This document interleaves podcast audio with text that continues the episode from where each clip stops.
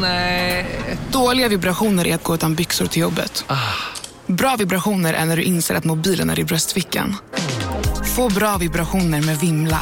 Mobiloperatören med Sveriges nöjdaste kunder enligt SKI. Om en yogamatta är på väg till dig, som gör att du för första gången hittar ditt inre lugn och gör dig befordrad på jobbet men du tackar nej för du drivs inte längre av prestation. Då finns det flera smarta sätt att beställa hem din yogamatta på. Som till våra paketboxar till exempel. Hälsningar Postnord. Trots att du vuxit upp i ett blodrött hem röstar du nu blått för du tycker att arbete ska löna sig och att Annie Lööf är kanon. Fan vad sjukt. Du hade ju kunnat vara eh, hemma i mitt vardagsrum någon av de eh, senaste veckorna när jag har suttit och pratat om det här med kompisar. Ja. Eh, För det stämmer exakt.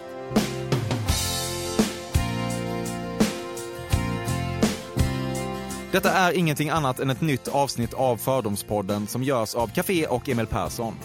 Dagens gäst är Jessica Almenäs som då är framgångsrik programledare men desto viktigare egentligen uppvuxen i Jokkmokk. Det är otroligt på något sätt. Hon är sportintresserad och har spelat basket på elitnivå innan hon modellade ett tag, vilket bland annat ledde till en andra plats i den något anakronistiska tävlingen Fröken Sverige och därmed deltagande i Miss World. 1998 var detta för att vara exakt. Så småningom blev hon den eh, möjligen mest profilerade travreporter vi har haft i det här landet efter att ha tjänstgjort för programmet Vinnare i TV4 i en herrans massa år. Hennes mest publika uppdrag var programledarskapet i Let's Dance tillsammans med den ständige David Helenius, vilket mynnat ut i att hon även lett exempelvis Kristallen och Fotbollsgalan och eh, på kuppen blivit folkkär. Ett ord som devalverats men som jag tycker är legit i det här fallet. Förra året bytte Jessica Almenäs TV4 mot Discovery och Kanal 5 där hon bland annat programleder Superstars och kommer att vara en viktig kugge i nätverkets framtida OS-satsningar. Jessica har tre barn. Det sista fick hon i juli med sin handbollsspelande pojkvän Patrik Fahlgren.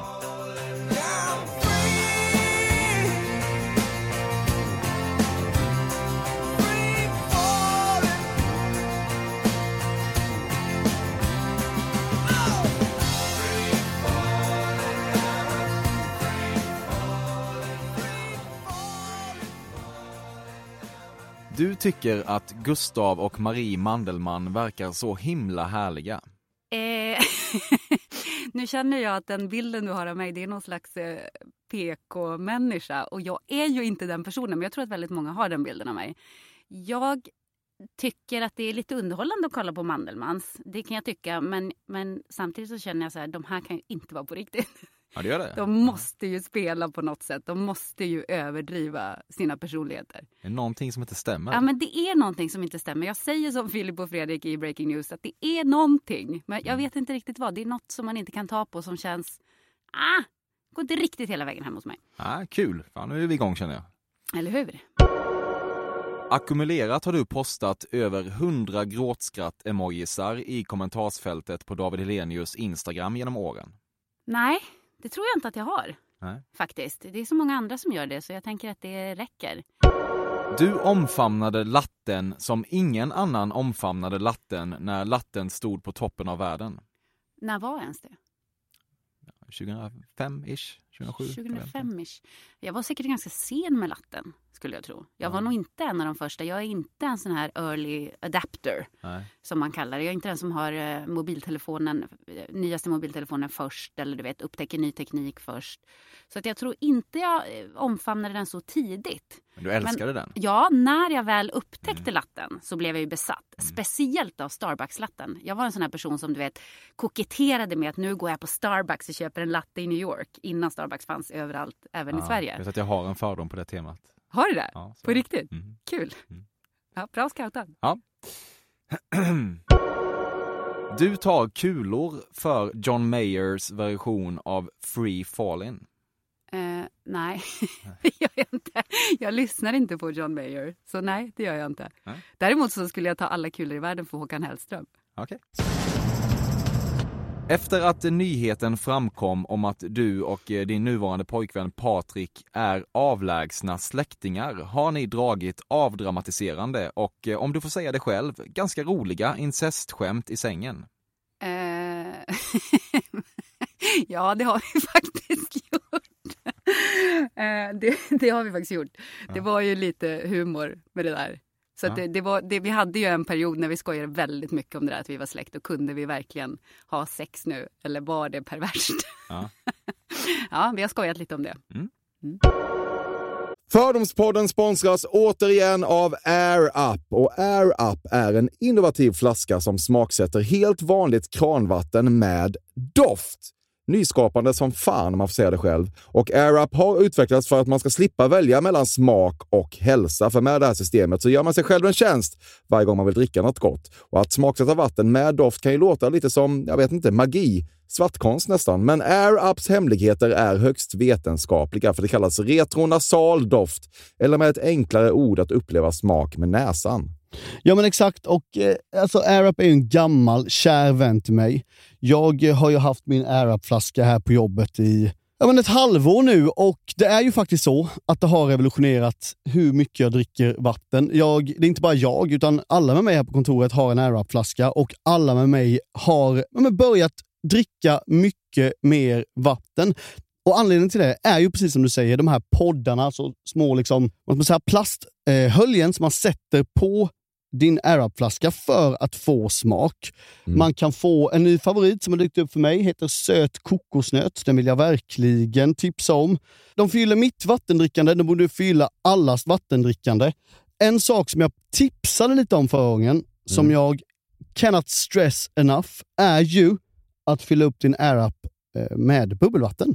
Det mm. blir en eh, helt otrolig upplevelse som jag unnar alla. Det kan också bli en billig upplevelse, för det finns en rabattkod som är FÖRDOM helt enkelt. Stora bokstäver där, F-Ö-R-D-O-M, som ger 10% rabatt på ett köp hos AirUp och rabattkoden är giltig till och med den 28 maj och går inte att kombinera med andra erbjudanden. Läs mer på air-up.se. Tusen tack AirUp som möjliggör Fördomspodden. Fördomspodden sponsras denna vecka av Sting Free, världens enda vita snus med skydd för tandköttet. Detta inslag riktar sig bara till dig som är över 25 år och redan använder nikotinprodukter. Nikotin är ett mycket beroendeframkallande ämne. Felix, en fördom jag har om dig och snusare i Småland generellt är att man absolut inte får visa sig svag och erkänna att tandköttet tagit stryk av att snusa. Så är det verkligen Emil. Men visst fan får man skäll av tandläkaren alldeles oavsett. Och ändå, som jag kan berätta, som länge trodde att hans tandkött tålde hur mycket snus som helst. Det var Bengt Wiberg i Stockholm. Men när han fick ont i tandköttet och tandläkaren sa åt honom att sluta så var han inte så stöddig längre. Och då fick Bengt Wiberg en tokig idé. Han tänkte, vad händer om jag sätter plåster på tandköttsidan av prillan? Är det sant? Ja. Och det funkar alltså? Alltså man plåstrar prillan för hand, så att säga? Ja, precis. Plåster på tandköttsidan av prillan testade han och det funkade otroligt nog. Och snuset smakade fortfarande gott och levererade nikotin precis som det skulle. Men det är ju liksom... Det måste ju ändå vara revolutionerande det här. För en riktig skitgrej med snus är ju att tandköttet tar stryk. Eh, och det här låter ju ändå som en, någon slags produkt som är, blir lika självklar som typ ja, men bilbältet eller en cykelhjälm eller vad som helst. Ja, precis. Ja, men vi, vi är många som har haft problem med det här genom åren sannoliken. Och nu är den här idén patenterad och istället för plåster så är det blå skyddet inbyggt i prillorna. Och Sting Freeze produkter finns att köpa i butik och på nätet. Så läs mer om världens enda vita snus med skydd för tandköttet på stingfree.se. Tack Stingfree! Och tack Bengt Wiberg! Verkligen. Fördomspodden sponsras av Bastard Burgers som är den norrländska burgarkedjan som ju finns över hela landet plus i Oslo, i Helsingfors och New York och de serverar svenskt nötkött och har en stor vegansk meny. Och vi ska prata lite mer om det här eh, signaturburgarkonceptet för 2024 som går ut på att det varannan månad presenteras två nygamla signaturburgare som gör efterlängtad comeback på Bastard Burgers och det heter ju Hall of Fame. Ja men det ska vi verkligen, men innan vi ska dit så skulle jag vilja lyfta en sak Emil. Nu kommer sommaren, nu kommer after work-tiden. Man känner hur det spritter i benen. Mm. Ta den after work på Bastard Burgers, för vet du, förutom liksom den härliga ambiansen så har de ju spicy nuggets på menyn. Vi pratade om detta förra veckan. De har ju haft chicken nuggets på menyn ett tag, men nu finns det alltså spicy nuggets. De har tagit det till en nivå till. Det skulle jag verkligen vilja tipsa om nu när sommaren kommer, att öl eller någon annan slags beverage och spicy nuggets. Där har du en AV i min smak. Mm. Och också det, just det här att Spicy Nuggets nu kommer finnas permanent på Just menyn. det, Jag tycker det verkligen. finns en otrygghet i, i, i vissa eh, matkedjor när, när vissa grejer bara återkommer då och då. Och man vet aldrig om ens favoriter finns där. Men Spicy Nuggets som är godare än vanliga nuggets som man är lagd åt ett spicy Mm, hållet, vilket jag är, kommer Mm. nu alltid finnas där. Det finns en trygghet i det. Jag vill också slå ett slag för att det nu i maj släpps även en ny signaturburgare. Och det är alltså ingen mindre än The Notorious Chili Cheese. En burgare med chili cheese på. Man minns när chili cheesen kom in i ens liv och förändrade livet till det bättre. Det är ostigt, det är starkt, det är otroligt. Det innehåller alltså massa ost och lite jalapeno. Och allt detta kan du såklart få om du laddar ner appen för Bastard Burgers och beställer eller för guds skull går till en fysisk restaurang. Tusen tack Bastard Burgers som möjliggör Fördomspodden. Tack bastard! Du har flera gånger skrivit “fuck cancer” när du beklagat dig över att någon, någon gått bort i cancer. Har nog hänt att jag har gjort det. Men jag tror inte att jag är en av de som gör det oftast. Det tror jag inte. Du omfamnade Risifrutti som ingen annan omfamnade Risifrutti när Risifrutti stod på toppen av världen. Nej. Risifrutti har aldrig varit en favorit. Kom igen nu, lite bättre fördomar kan du ha. Okej, ja, men- ja, absolut. Vi kämpar på. Du har aldrig problematiserat begreppet starka kvinnor. Problematiserat begreppet starka kvinnor. Eh, Jag fattar inte ens frågan riktigt. En stark kvinna är, eh, om man använder det uttrycket så är det odelat någonting positivt. Kanske inte har problematiserat det offentligt. Men däremot så kan jag ju se att ibland så blir ju men det handlar inte bara om att vara en kvinna utan det handlar om både kvinnor och män. Men ibland så blir väldigt starka personligheter ganska ensidiga eh, i det offentliga rummet. Kan jag tycka. Det kan jag i och för sig tycka är ett problem. Jag tycker ju rent allmänt att det är ett problem att eh, debatten i samhället idag är väldigt polariserad. Det är antingen svart eller vitt. Det finns inga gråzoner. Och där hamnar ju de här starka personerna antingen på det svarta eller på det vita. Och så ska man vara antingen med eller emot dem. Och det finns liksom inga mellanting. Och det kan jag tycka är ganska tröttsamt faktiskt. Mm. Det, här är liksom mer kanske en språklig diskussion. Det finns ju liksom en rörelse som hävdar att eh, om man säger att en, en- en kvinna är stark eller att det här är en stark kvinna så antyder man att normen skulle vara att kvinnor är svaga. Man skulle aldrig säga en stark man till exempel och så vidare. Jaha, du tänker så? Ja, nja, jag vet inte. Nej, jag utgår i alla fall inte från att kvinnor är svaga. Nej exakt, men det där jag menar är att man problematiserar begreppet starka kvinnor. Ja, men jag För att tycker, det liksom, ja, men, i begreppet som är menat som något positivt så blir det ändå som att det anspelar på att normen vore någonting annat. ja, fast jag, jag orkar inte lägga tid på att problematisera sådana Nej. banala frågor, jag känner jag. Ja. Jag tycker att det finns viktigare saker att ägna sig åt än om man ska sitta och, och grubbla på sin kammare om det är ett problem att kalla någon för en stark kvinna. Ja, härligt. Du har inte haft ett enda hål i tänderna i ditt liv. Det här är ju så sjukt. Det tror säkert folk. För att mina tänder eh, snackas det ju ganska mycket om faktiskt när jag visar upp dem, hur sjukt det än kan låta. Men det är många som frågar mig om de är äkta. För att de, eh, jag har haft turen att de ser väldigt fina ut. Men skenet kan bedra. De är fina på utsidan, på insidan så är de ruttna. jag har haft fler hål i tänderna än de flesta människor skulle jag tro. När jag var liten hade jag hade så mycket hål och jag borstade och borstade och borstade. Jag borstade 10-15 minuter varje gång och borstade och gnöd och gnuggade så att tandköttet blödde för jag ville inte ha hål men jag fick hål hela tiden. Så att, eh, jag har nog lagningar i nästan varenda tand. Men det är också att du känns frisk på något sätt, generellt. Ja, och jag har väldigt bra immunförsvar. Jag tror att jag är väldigt frisk och stark i kroppen men just mina tänder verkar vara en ganska svag punkt. Ja, intressant. Ja. Du pratar ofta om livspusslet. Oh, hela tiden. Ja. Ja, det gör jag. Och, det, och jag tycker egentligen att det är ett lite fånigt uttryck men det beskriver ju väldigt bra eh, det här bollandet man har med de olika delarna av sitt liv. Bortsett från det tråkiga och bedrövligt förutsägbara svaret din pojkvän är Henrik Lundqvist Sveriges snyggaste man. Nej, det tycker jag nog inte. Han ser bra ut, absolut. Men jag tror att jag skulle säga Sveriges snyggaste man. Vem 17 kan det vara? Ja, men det är också rätt förutsägbart, men jag säger nog Zlatan. Ja, okej. Ja, men jag gillar när det inte är... Zlatan är kanske inte den bildskönaste personen, men han har ju utstrålning. Han har ju någonting, han har ju det och det går jag igång på. Sportkillar i alla fall. Sportkillar Ja. är jag lite svag för. Du kan se en trend där. Ja. den har följt mig genom livet. Din bästa killkompis under högstadiet var hela tiden hemligt förälskad i dig och om vi ska vara helt ärliga fattade du nog det innerst inne. På högstadiet så... Jo, det var nog fan i mig så. Det stämmer.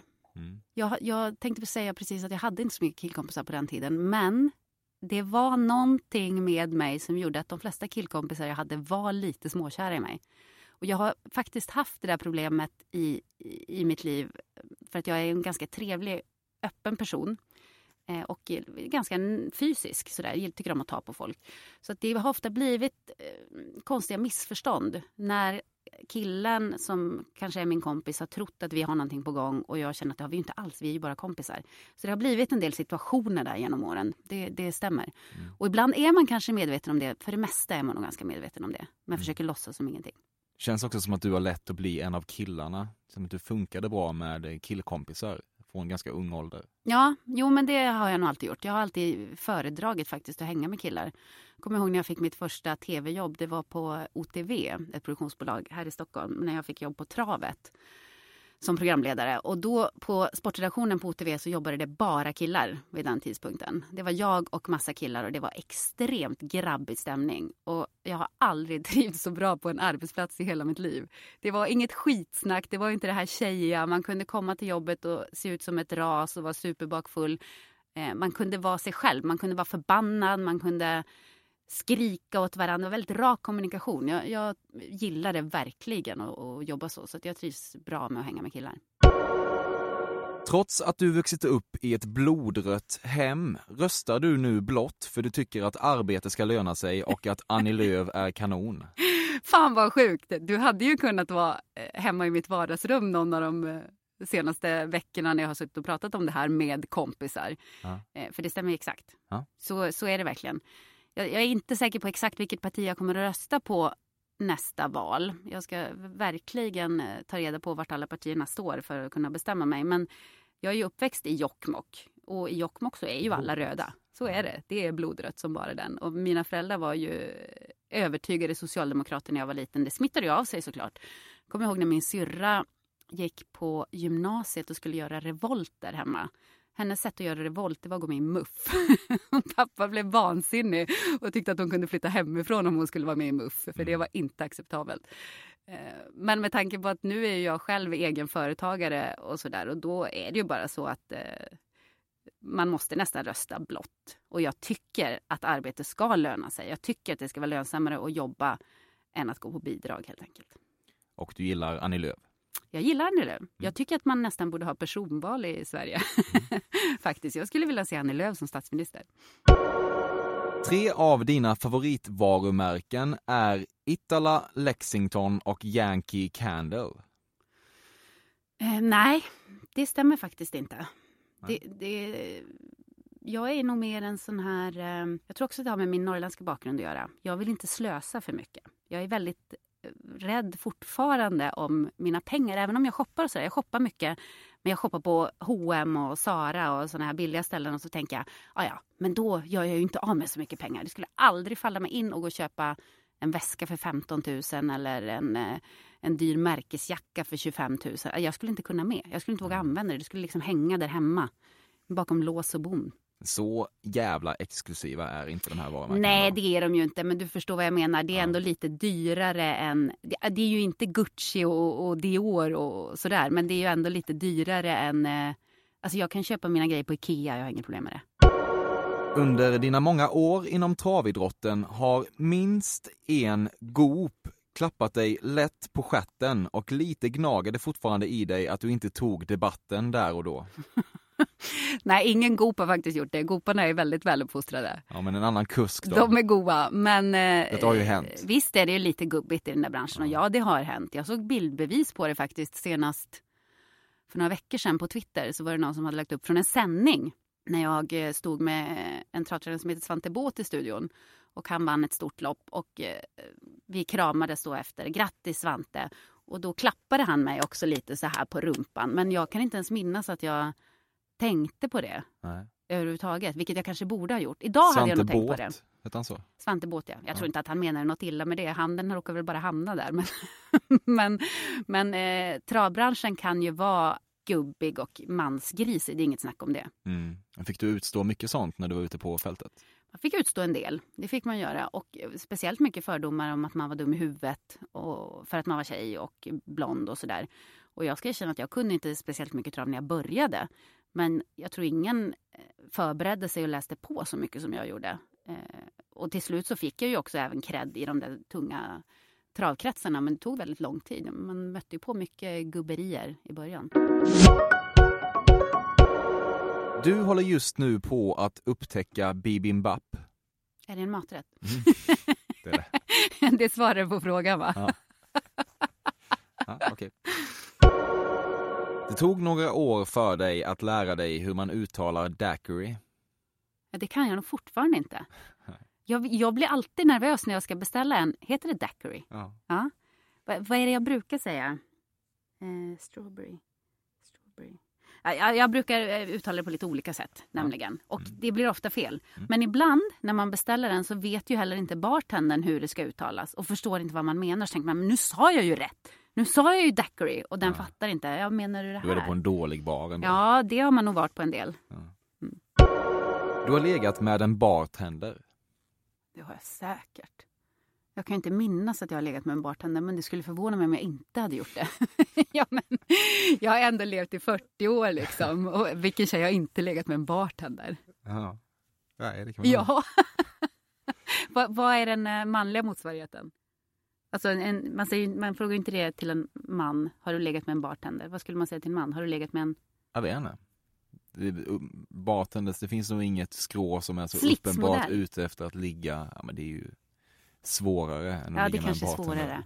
Om vi nu ska Ja, men det känns som... gradera detta. Det känns som... Blir man bartender, då, då ingår det nästan i arbetsbeskrivningen att du kommer att få ligga. Och det är därför folk Det är därför i folk ganska blir hög utsträckning blir bartenders. Det ska man ha klart för sig. Det är bra att veta nästa gång man går på krogen. Viktigare är att få ligga än att uttala daiquiri rätt. Rosépremiär begås och kommuniceras. Ja, absolut. Jag kan ju gå och längta i flera månader till rosépremiären. Ja. Det är ju en höjdpunkt på året. och det ska alla få veta om. Det är en sak som är säker. I lagsportsammanhang var du alltid pådrivaren som klappade händerna snabbt och skrek “Kom igen nu tjejer!” Ja, det var jag nog. När du bytte fyran mot Discovery var det, som för många som byter fyran eller SVT mot Discovery, ungefär som när en 30-årig fotbollsspelare som inte är slut men möjligen har pikat går till en klubb i arabvärlden. Påsen med pengar var helt enkelt för Broder Tuxkt salivdrivande och du ångrar ingenting. Men så här i efterhand skulle du ljuga om du samtidigt inte sa att du kan sakna miljonpubliken. Och det var en jättelång fråga. Nu ska vi eh, processa den här lite grann först. Eh, nej, ja, eller både och skulle jag säga. För jag tror att varf, en av anledningarna till att jag bytte till Discovery var faktiskt för att jag skulle få möjligheten att pika.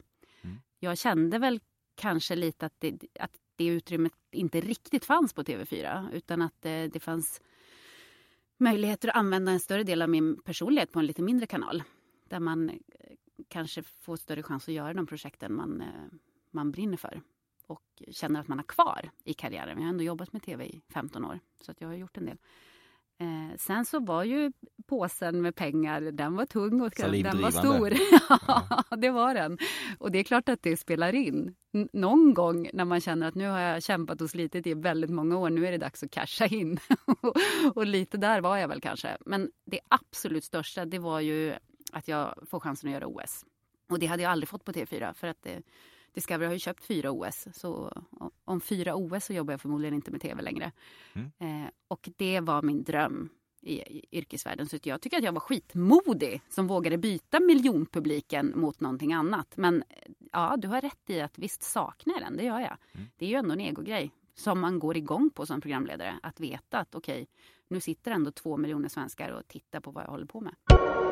Du har alltid känt på dig att du skulle få söner. Ja, det har jag faktiskt. Det har jag faktiskt gjort. Jag är en sån där som tror mycket på, på lite luriga grejer. Som att man känner på sig saker, själavandringar och lite mm. hitten och ditten.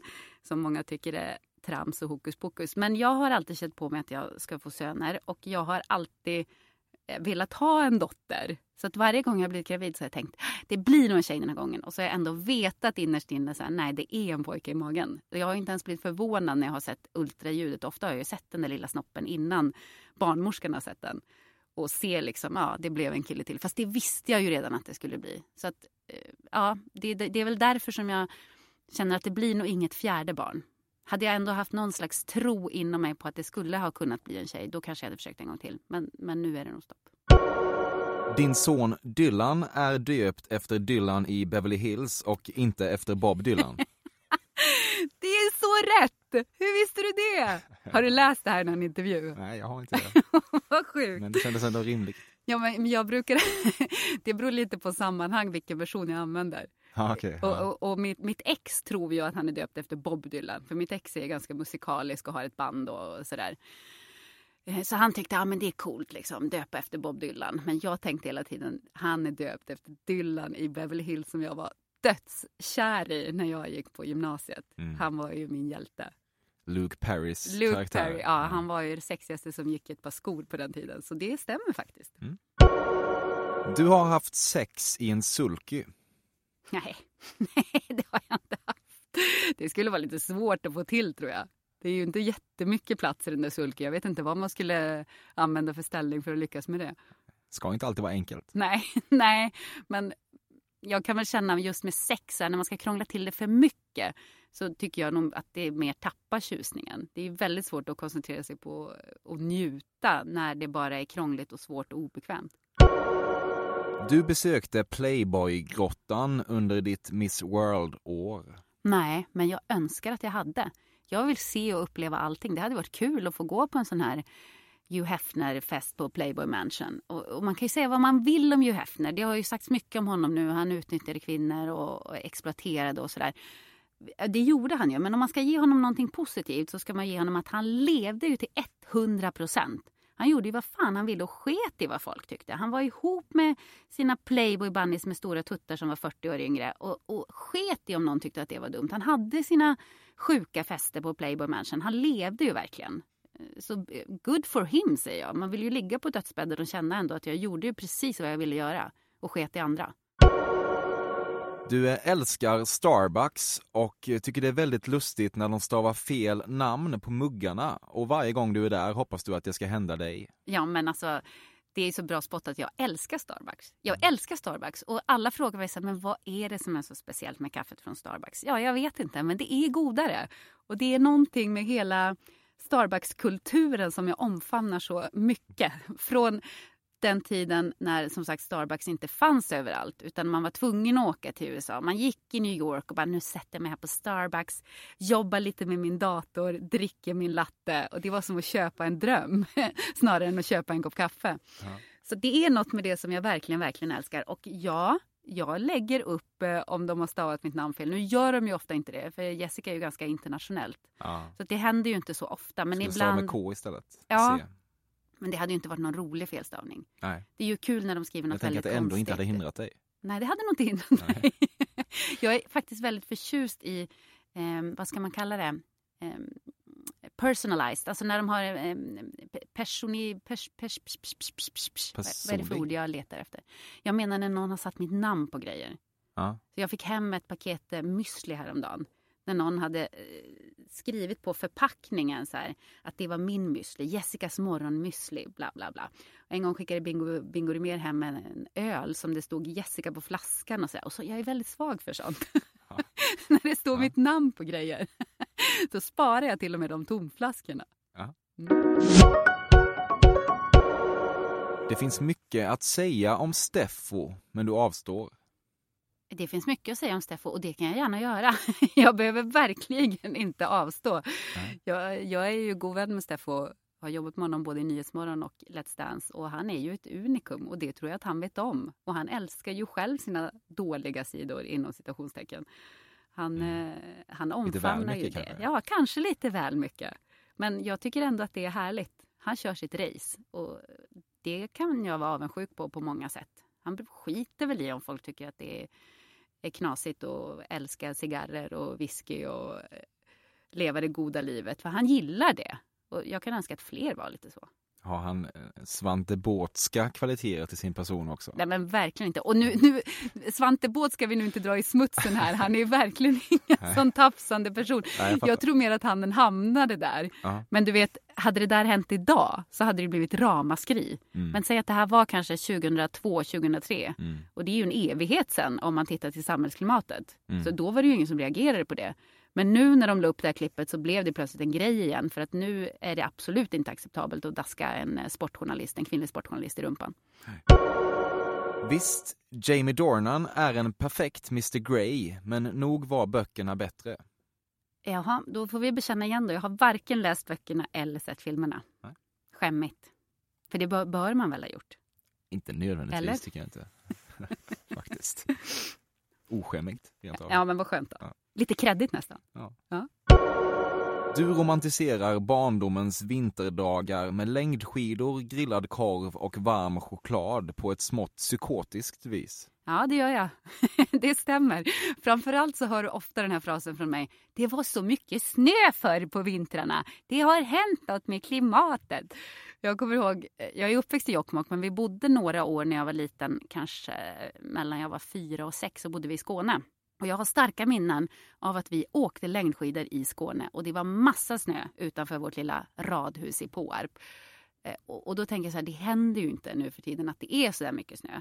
Och jag kan känna ibland, varför får mina barn inte uppleva det här med åka längdskidor, sticka, gå ut på tur, som man säger i Norge, med varm choklad och ha det mysigt. Men säkert var det också kallt och jävligt. Men det är ju så hjärnan funkar. Vi förskönar ju vissa minnen och eh, Eh, gör vissa andra minnen till att de blir mycket värre och hemskare.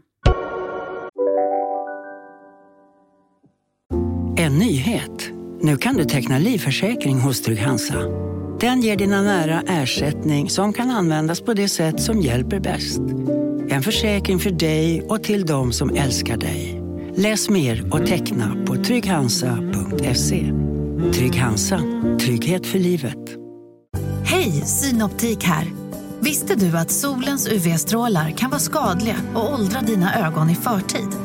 Kom in till oss så hjälper vi dig att hitta rätt solglasögon som skyddar dina ögon. Välkommen till Synoptik. Hej, Synoptik här. Så här års är det extra viktigt att du skyddar dina ögon mot solens skadliga strålar. Därför får du just nu 50% på ett par solglasögon i din styrka när du köper glasögon hos oss på Synoptik. Boka tid och läs mer på synoptik.se. Välkommen!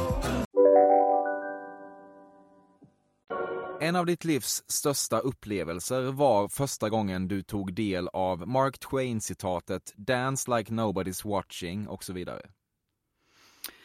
Nej, inte just det citatet. Däremot kan jag vara ganska svag för eh, sådana här kloka citat. Mm. Eh, framförallt när jag mår dåligt. Motivational jag, quotes. Ja, exakt. Då kan jag verkligen grotta ner mig i sånt där. Mm. Och jag kan gilla nästan att vältra mig i min egen olycka när jag mår dåligt. Eh, det har ju till och med varit så i mitt liv att jag har ibland försökt skapa kaos och sådär för att jag ska må lite dåligt. Det är något som fattas när jag inte mår dåligt. Jag känner mig tom. Så att eh, jag kan verkligen hänge mig åt eh, såna här sköna quotes och har suttit och googlat dem på Instagram en miljon gånger. Har du någon favorit? Alltså jag, nu kommer vi tillbaka till Håkan Hellström. Varför kommer vi alltid tillbaka till Håkan Hellström? Men jag hade en period när jag satt och googlade verkligen Hellström-quotes. Mm. För att det relaterade så mycket till massa känslor jag hade i min kropp just då. Och mitt absoluta favoritcitat, det är ju eh, Jag tror när vi går genom tiden att allt det bästa inte hänt än. Det är så hoppfullt på något sätt. Att, mm. att man behöver inte tänka att nu går det ut för jag har fyllt 40 och bästa delen av livet är slut. Nej, det är tvärtom. Det bästa har inte hänt än. Så försöker jag i alla fall intala mig att det du använder ofta ordet ombonat i betydelsen att du gillar att ha det citat lite ombonat, slutcitat. Nej, jag använder aldrig ordet ombonat. Nej, jag eh, är inte den ombonade typen. Jag är mer den stökiga typen. Så om, om du räknar stökigt som ombonat så, så kanske. Men nej, det är inte riktigt min grej. Nej. Du använder ganska sällan könsord, men på golfbanan kan det slinka ur ett fitta. Det gör jag ofta när jag spelar golf. Både det ena och det andra. Det, det kan ju vara otroligt frustrerande med golf. Och just eh, fitta är nog ett ord som jag använder när, ofta när jag slår mig och sådär. Mm. Vet inte varför. Det är lite taskigt mot fittan kan jag känna. Men det ligger liksom bättre i munnen än att säga kuk till exempel. Mm. Så ja, det slinker ur mig ibland. Du har aldrig sett bilden på Lenny Kravitz i en för stor scarf? Du, det här hörde jag när du frågade Anna Bok. jag lyssnade på det. Och även om hon sa att hon hade sett den så kändes det som att hon inte hade sett den. Det var i alla fall det intrycket som jag fick. Ja. Jag har inte sett den. Jag kan i alla fall inte minnas att jag har sett den. Däremot så har jag ett extremt dåligt minne. Så det är mycket som jag har sett och hört som jag inte överhuvudtaget minns. Jag är den bästa personen att eh, berätta hemlisar för. För att jag kommer inte ihåg dem. Mm. Det går in genom ena örat ut genom det andra och så är det glömt. Så mm. att, eh, nej, jag har inte sett den. Nej. Du var ihop med klassens snyggaste kille. Mm, nej, det var jag nog inte. Det har jag nog inte varit. Däremot tycker jag att de killar jag varit ihop med har varit väldigt snygga. Men jag tror aldrig att det har varit den där klassiska klassens snyggaste kille som jag har varit ihop med. Jag har ju alltid haft en grej för eh, idrottskillar. Vilket är lite pinigt. Men jag de tror... är ju inte sällan prom king så att säga. Ja, de, de är ju de tar ju ofta hand om sig. De är ju ofta lite vältränade och sådär. Och så tror jag att jag gillar det här drivet som många idrottskillar har. Att man har ambitioner, att man vill någonstans. Det har jag alltid mm. gått igång på. Det här började faktiskt när jag... Doften av Axe? Ja, lite så ändå. Ha. Ja, men på, på gymnasiet då var jag ihop med Johan Davidsson i HV71. Ja. Och det var nog liksom starten för min eh, idrottskillekarriär. Sen har jag bara betat av dem en efter en. ja, men nu är jag väldigt nöjd med min handbollskille så nu får det stanna där. Ja. Din pappa är en förhållandevis kärv man. Nej, han är inte så kärv, det skulle jag inte säga. Eh, min pappa, jag träffar inte min pappa så ofta, han bor i Tyskland, eh, omgift med en tyska. Men... Eh, har ni han, en dålig relation? vi har en inte så närvarande relation kan man väl säga. Vi ses inte speciellt ofta. Men, men min pappa är en väldigt social man som ändå är lätt att tycka om. De som träffar min pappa gillar min pappa, så kärv skulle jag inte beskriva honom som. Du har tidigare i livet gett penispasta i present till en tjejkompis som fyllt år. Nej, det har jag nog inte gjort. Men jag hade tyckt att det var lite kul, så jag hade nog kunnat göra det, men jag har inte gjort det. Har du befunnit dig på tjejfester där någon har fått penispasta? Nej, det har jag nog heller inte gjort faktiskt. Ja.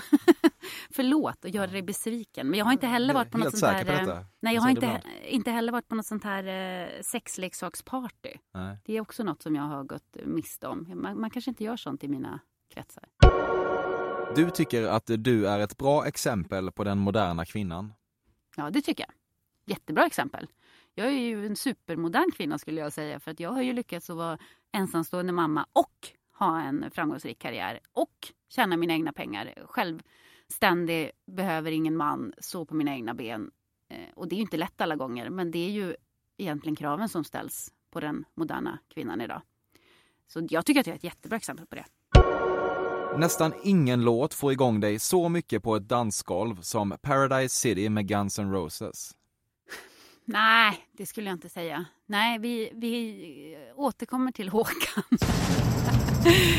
Ramlar. Ramlar såklart. Är inte det otroligt förutsägbart? Ja. Jo, det är klart att det är det. Men man går ju igång av den. Det är min bästa billåt. Mm. Jag kör alltid minst 30 kilometer i timmen för fort när jag spelar Ramlar. För att man liksom kan inte låta bli att gasa. Man bara uh, spelar på dödshög musik. Så jag har fått in mina unga på det här också. Då.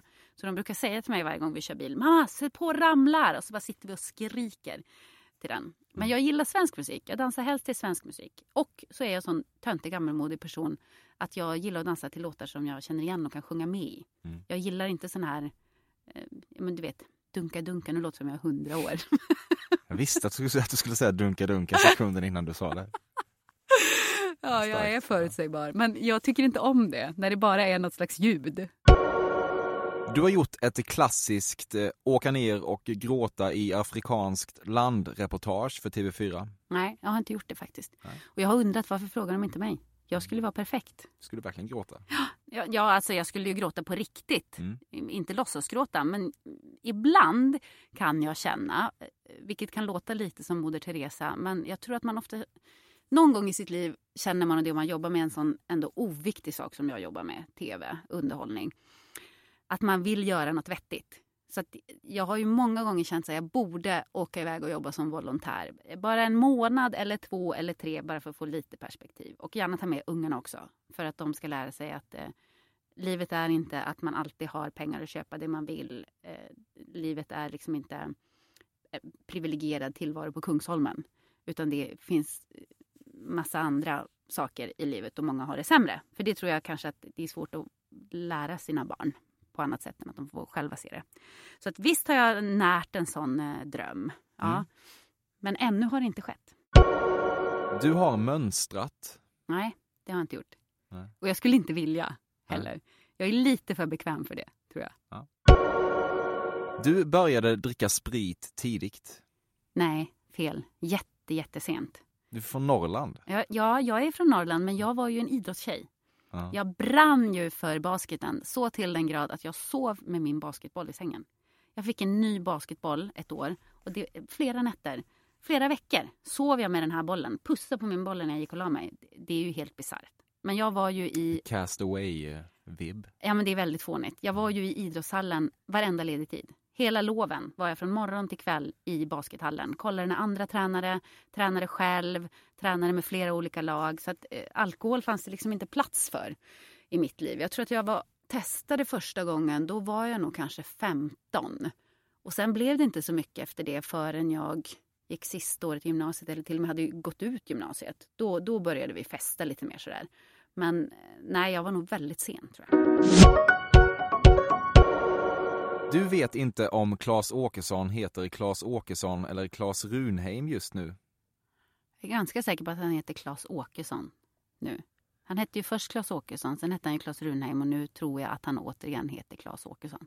Det var lite ironiskt. Det kändes som att det tog kanske tio år för människor att lära sig att säga Claes Runheim. Ja, och sen när människor när äntligen hade gjort det. Liksom hade landat så bytte han tillbaka till Claes också. Jag tror att det var uträknat av tolkning på honom. något sätt. Ja, men det var ju ändå det. Ja. Han blev ju ett snack. Han dyker upp här i podden till exempel. Ja, verkligen. Besatt av den här frågan. Har du frågat honom? Jag har inte det. Jag frågar andra. Ja, Ja. du kanske borde fråga honom också. Ja. Du hade en period i slutet av 90-talet då du testade både det ena och det andra, men sen var det färdigknarkat. Färdigknarkat. Alltså, jag hade ju en period när jag jobbade som modell. Det var slutet av 90-talet, början av 2000-talet eh, när jag eh, levde ett riktigt jetset-liv. Det var skitkul att prova på det livet. Och det får ju inte alla göra, det är jag fullt medveten om. Så att, ja, men det var roligt. Det var roligt. Jag tänkte efter de åren så tänkte jag så här, gud så mycket som jag har levt nu, då kan jag dö och bara känna att jag gjorde ändå något av mitt liv.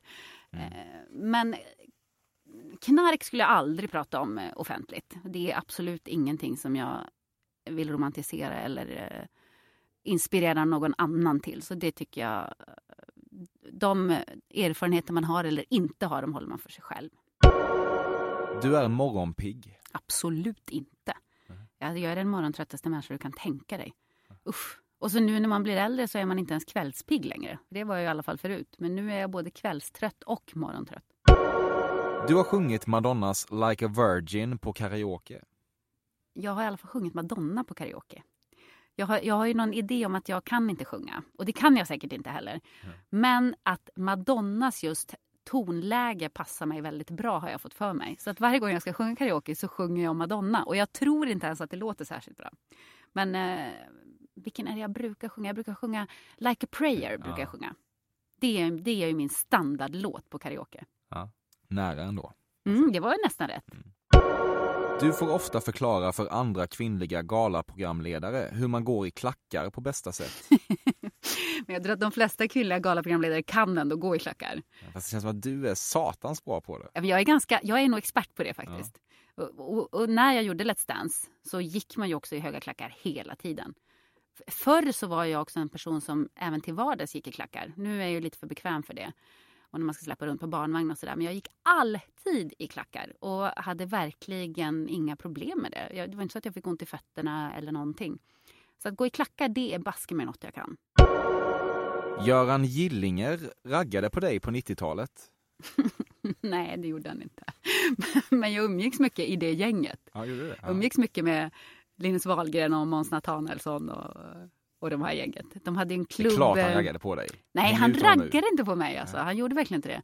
Men de hade en klubb på Karma varje torsdag. Den var ju alltid på, så hängde man med det där gänget. Ja, kul. Mm, det var kul. Mm. Det var tider. Ja. Du har det definitivt i dig att uh, dirty-talka ganska grovt. Uh, ja, det, det, har jag nog. Det har jag nog. Det tror man inte när man ser mig. Jag trodde det. Trodde du det? Ja, det är ja. därför jag säger det. I de lugnaste vatten. ja. Då så Jessica, var, det, var det färdigt. Du, det här var roligt. Tycker du det? Ja, det var jättekul. Mm. Och jag gör ju sällan andras poddar. Jag har ju lite som policy att jag gör bara min egen podd. Ja. Och, och känner mig utvald. vräker ut min svada bara enbart där för att det ska vara exklusivt på något sätt. Men det här tyckte jag ändå kändes spännande, så känn dig utvald. Mm. Innan du får gå härifrån så ska du recensera min bild av dig och hur väl den stämde, tänkte jag. Jag tyckte väl, den stämde ju inte jättebra ändå. Du gick Nej. ju fel på ganska många grejer. Ja. Jag tror att du ändå Vissa var också väldigt rätt. Ja, vissa var ju väldigt, vissa var ju exakt. Det var ju som att du hade satt en liten högtalare eller en liten kamera i mitt hem. Mm. Så att vissa saker stämde ju väldigt bra, vissa gjorde inte det. Men, men ja, du var hyfsat på det. Hyfsat på det. Tre av fem skulle jag säga. Ja, fan, det, är, det är jag nöjd med. ja, det är bra. Ja. Tusen tack för att du kom hit. Tack för att jag fick komma.